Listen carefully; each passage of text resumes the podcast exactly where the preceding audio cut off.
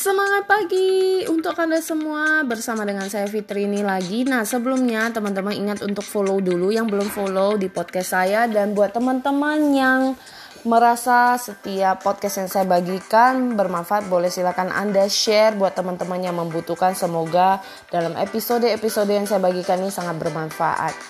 Jadi teman-teman hari ini kita akan membahas tentang teens life ya kehidupan anak-anak remaja atau youth yang sering terjadi. Nah, menurut kalian nih teman-teman yang masih anak-anak remaja berada di bangku sekolah, sebenarnya apa sih tantangan terbesar kalian? Kalau misalnya kalian seusia kalian tiba-tiba kalian itu pernah nggak kepikiran kayak aduh bosen ya saya kayak sekolah gitu. Kok sekolah tiap hari begini-begini aja apalagi kayak pandemi gini.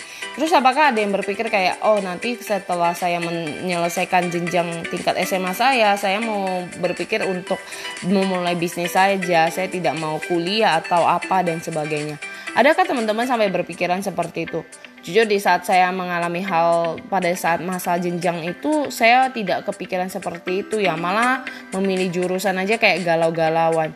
Dan hari ini saya melihat banyak tantangan yang terjadi di anak-anak teen, teens itu teenager atau youth adalah bagaimana memilih sebuah jurusan atau memilih masa depan mereka yang mereka sukai.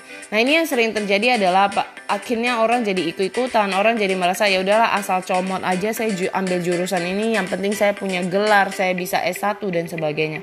Nah teman-teman waktu itu cepat berlalu ya dan dalam belajar itu seperti anda kuliah, studi itu benar-benar waktu terkuras banget ya, 4 tahun, 6 tahun dan sebagainya. Kalau misalnya kita hanya asal-asal memilih, kita hanya asal comot, itu teman-teman akan merasakan wasting time. Teman-teman di saat Anda flashback akan merasa kayak nyesel ya kenapa gue uh, waktu mau kuliah, waktu mau studi, kenapa saya nggak mikir baik-baik. Nah teman-teman, makanya kenapa penting banget kadang ada mentoring buat anak-anak teenager dan youth itu adalah saya selalu mengasah para students yang saya mentoring ya saya selalu remind mereka mulai sekarang udah mikirin sebenarnya kalian itu punya bakat di mana kalian punya passionnya apa. Jadi tidak nunggu sampai nanti aja lah setelah saya SMA baru apa.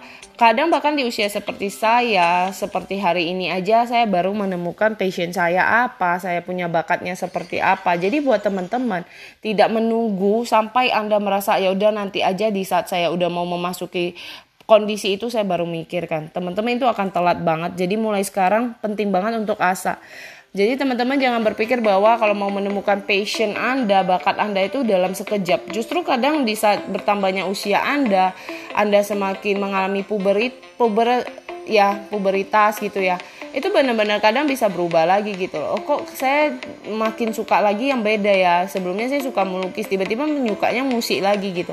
Tidak ada yang disalahkan. Teman-teman bisa asah dua-dua dan lihat mana yang benar-benar teman-teman ahli dan benar-benar minati. Kalau itu benar-benar Anda minati, Anda boleh dalami, ikuti course untuk belajar dari orang-orang yang udah jauh lebih expert di bidang itu sehingga Anda juga mendapatkan ilmunya.